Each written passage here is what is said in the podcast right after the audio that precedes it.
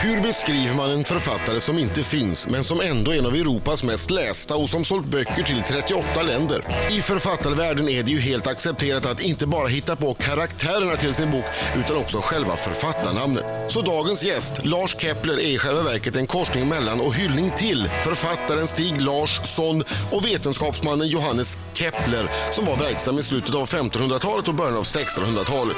Ja, ni fattar, så mycket Lars Kepler blir det inte. Men så är han heller inte i studion utan det är hans mamma och pappa, makarna Alexandra Coelho Andoril och Alexander Andoril. Två var för sig hyllade författare som nu lägger all sin kreativa skaparkraft på gossen Kepler. De trodde att deras pseudonym skulle få förbli hemlig men hade inte räknat med kvällspressens hunger efter avslöjanden. Men försäljningssiffrorna har knappast lidit skada av detta. Det har sålts i runda slängar 4,5 miljoner Keplerböcker. Och det kommer att bli ännu fler för nu kommer den femte boken, Stalker. Och här är de i studion! Välkomna! Tack Och vi ska prata om mord och vidrig ond brådöd alldeles strax. Eh, Jag måste bara fråga, fanns det fler namn på The Shortlist än Lars Kepler? Va, vad kunde det ha blivit om det inte blev Lars Kepler? Jag gissar att ni hade fem alternativ eller någonting i Ja, vi slutet. hade ett annat alternativ och det var faktiskt Lotta Kepler. Lotta, okej. Ja, så han eller hon hette först Lotta Kepler och min hårddisk på datorn heter fortfarande Lotta. Så att det, Jaha. det är Så det finns en där. moder där ja.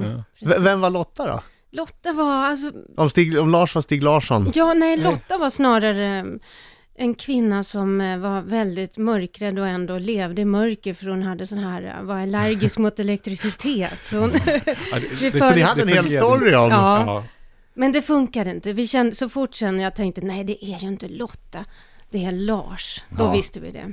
Men när, när det kom ut att det var ni som var Lars Kepler, va, eh, tänkte inte bara, ja men då skiter vi Kepler, det kan väl lika gärna heta Andoril? ja, det hade man kunnat tänka sig att man gjorde så. Men, men för oss var liksom namnet Lars Kepler och skapandet av en annan författare var liksom nyckeln till att kunna jobba ihop.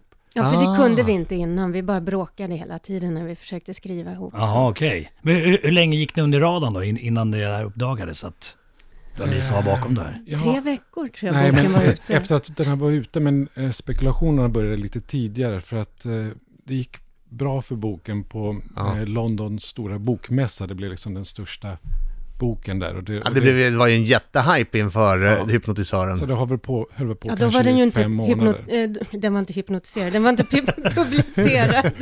Okej. Men, men, eh, vad sa du? Du sa... Nej men äh, hur länge Flög under radar. Ja, hur, länge de Jo, flög under jo, radar? jo, Ja, vad det ja. jag skulle fråga. Det spekulerades ju friskt i vem som egentligen Ja. var Lars Kepler. Ja. Vilken var den mest smickrande spekulationen och vilken var den minst smickrande spekulationen? Alltså den första som pekades ut var väl Henning Mankell. Ja. eh, Ja, och så tror jag också att det var eh, Eva Gabrielsson som, eh, att det var Stig Larssons fjärde bok, den här eh, mytifierade boken. Just det. Det var väl den mest smickrande tycker jag, Ja. eftersom vi, vi tycker att Stig Larsson är väldigt bra. Ja, det det kan man väl säga. Jag, ja, sen vet jag inte. Men hur förklarade de att Henning Mankell plötsligt utom- skulle byta namn? Ja, det, det var ju inte klokt förstås. Men, och Aftonbladet, jag tror det var de som hade en, liksom en här, eh, direktlinje man kunde ringa in med tips och sådär. Så, Nej. Och dit ringde vi. Gjorde ni det? Ja. Vad sa ni då? Och försökte göra villospår eller? Ja, Vad vi sa- så här att det måste vara poeten Stig Larsson, eftersom han aldrig skulle kunna skriva en deckare i sitt eget namn. Nej, nej, nej. nej, men de gick inte på den linjen. Så det, Nej, okej.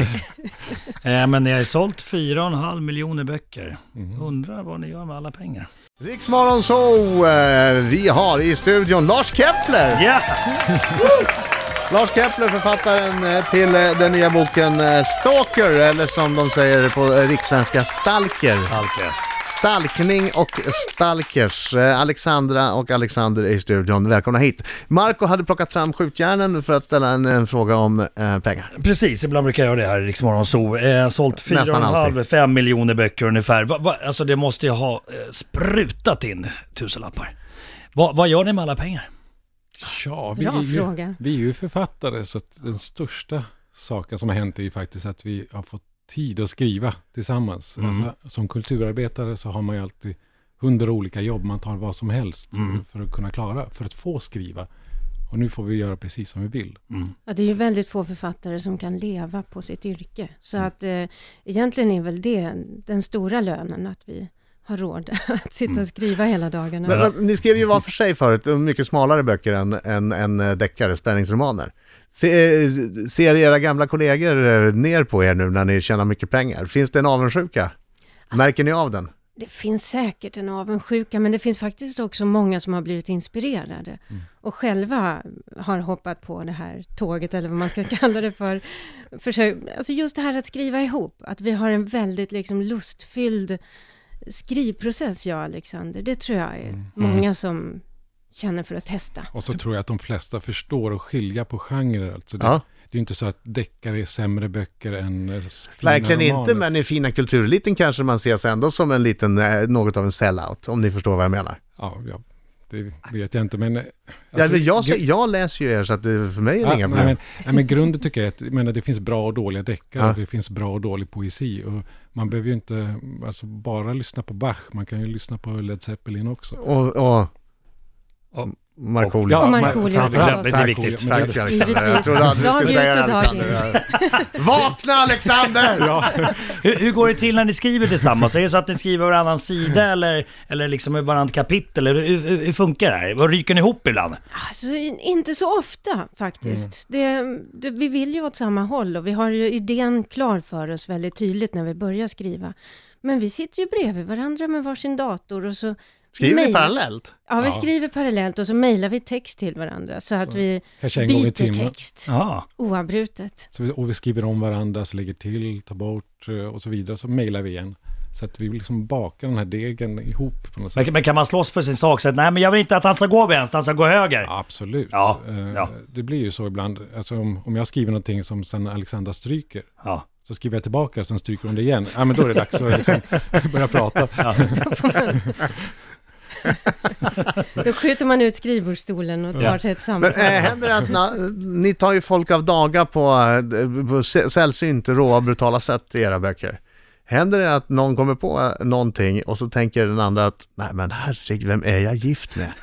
Vad är det för sjuk människa jag är gift med? Kan, kan, kan jag få ett exempel på hur folk... Eh, Ja, i senaste här så är det mycket eh, förskärarvåld. Eh, våld. Ja, det är mycket knivar där. Ja. Eh, Ja, nej, men vi kanske ibland... alltså mycket. ja, okej. Alltså eh, onödigt mycket. Ja, i, i, Finland så, väl, så välkomnas den här I boken. Finland är det, är det lunch.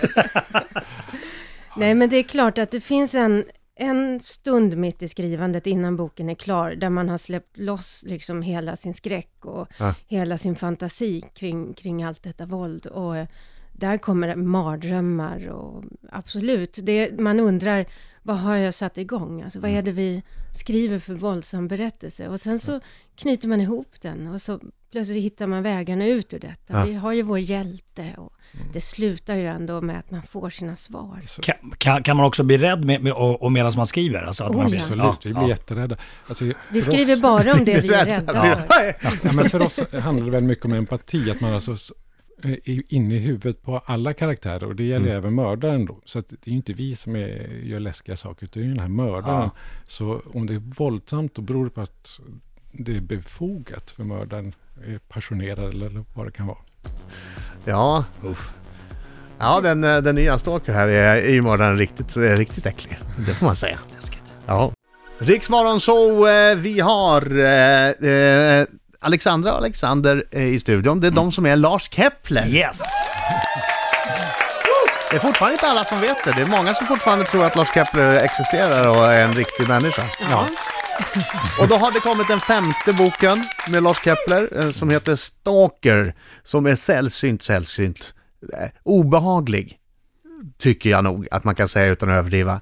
Eh, ska ni berätta lite om vad den handlar om eh, för de där ute som inte har hunnit läsa den än?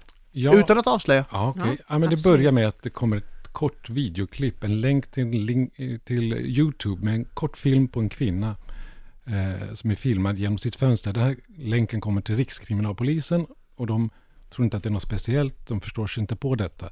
Nästa dag hittas kvinnan mördad. Sen kommer en ny filmklipp på en annan kvinna. Hon är uppenbarligen filmad genom sitt fönster från trädgården. Och polisen tror liksom att mördaren står i trädgården och lägger upp länken. Så de får panik och måste identifiera henne innan det är för sent. Att det sker typ i stunden. Ja, i stunden. Och de hinner inte, de ger upp. och hon hittas mördas, mördad av sin man. Och mannen får sån panik. Eh, han har varit på en resa, kommer hem och hittar henne. Så han städar hela huset. Han svabbar golven och lägger mattan i, i tvättmaskinen och allt det här. Och så bäddar han ner sin döda fru i sängen. Och så kommer han inte ihåg någonting. Så polisen kan liksom inte börja skapa ett mönster för att spåra mördaren. Nej. Så de tar in eh, psykiatrikern Erik Maria Bark, han är expert på hypnos. Och han ska då försöka sig på hypnos för att lugna vittnet och få vittnet att börja strukturera minnena. Ja. Men vad Erik då, hypnotisören, får höra under sessionen gör att han börjar ljuga för polisen. Och det är börjar- där någonstans hela historien sätter fart. Herregud. Ja. Jag, jag, jag, jag tror inte att jag andades Nej, det rätt. under tiden Alexander pratade. Ja, det är spännande. Det är spännande. Eh, och det är alltså nya boken Stalker. Något som också är spännande vill jag säga till er. Det är något ni kommer att råka ut för alldeles strax, nämligen Marcos minut. Japp. 15 Aj, ja nej-frågor. Yes. Hur känns det som författare? Ja, det går Det känns inte. fruktansvärt. Det- Man får inte göra så mot författare. Vi måste få bre ut oss kräver lite. minst eh, 200 ord svar. Sex minuter i nio klockan, Riks Morgonzoo. Det är jag som är Adam. Jag som är Marco Kyttemörken. God morgon, god morgon. Tack för att du är med oss i studion. Lars Kepler, ta mig tusan. Lars Kepler här. Det är Alexandra och Alexander som ligger bakom den författarpseudonymen. Eh, jag föreslår varannat svar nu när ni ska utsättas för Marcos minut. Mm, och vem börjar Adam? Eh, jag vill först säga, reglerna är väl ja, nej bara. Yes. Inga utläggningar, inga å ena sidan och andra sidan. Ja, nej. Och så får inte Marcus ställa några följdfrågor heller, vilket är jobbigt. Ja, att man, man kan komma undan med det mesta här. Japp. Eh, jag tycker Alexander börjar. Alright. Då kör vi. Är du redo Alexander? Ja, det är väl då. Det verkar skräckslagen. I din fantasi, har du någon gång tagit folk av daga som du har svårt för? Nej. Får man börja spela jullåtar redan i november? Ja. nej! Vill du se David Guetta live i London? Nej. Nej. Ja, du måste vara ärlig Alexander. Det var härligt. Mm, Okej. Skulle du hellre vilja vara gift med någon i ABBA? Nej. Ska vi avskaffa kungahuset? Ja. Laddade du ner Lars Ohlys Snopstagram? Nej. Lisa Marklund eller Camilla Läckberg? Det är ingen ja nej fråga. Nej, men du måste välja. Ja. Okej. Har du någon gång spelat tv-spel naken? Nej. Är Stefan Löfven bra för Sverige? Ja. Visst är fiske världens roligaste fritidsaktivitet? Nej. Ja. Åker du bussfil med flit ibland? Nej. Har du tänt cigarrer med brinnande tuslappar någon gång? Nej. Den, är, den här frågan är sista. Det skulle jag vilja se. Det är fantastiskt kul. Okej, sista frågan. Den här får ni svara på tillsammans. Vill ni hellre bo i ett annat land än i Sverige? Nej. Nej. En fråga till. Älskar ni Markoolio? Ja. Bra! Det här är strålande bra svarat.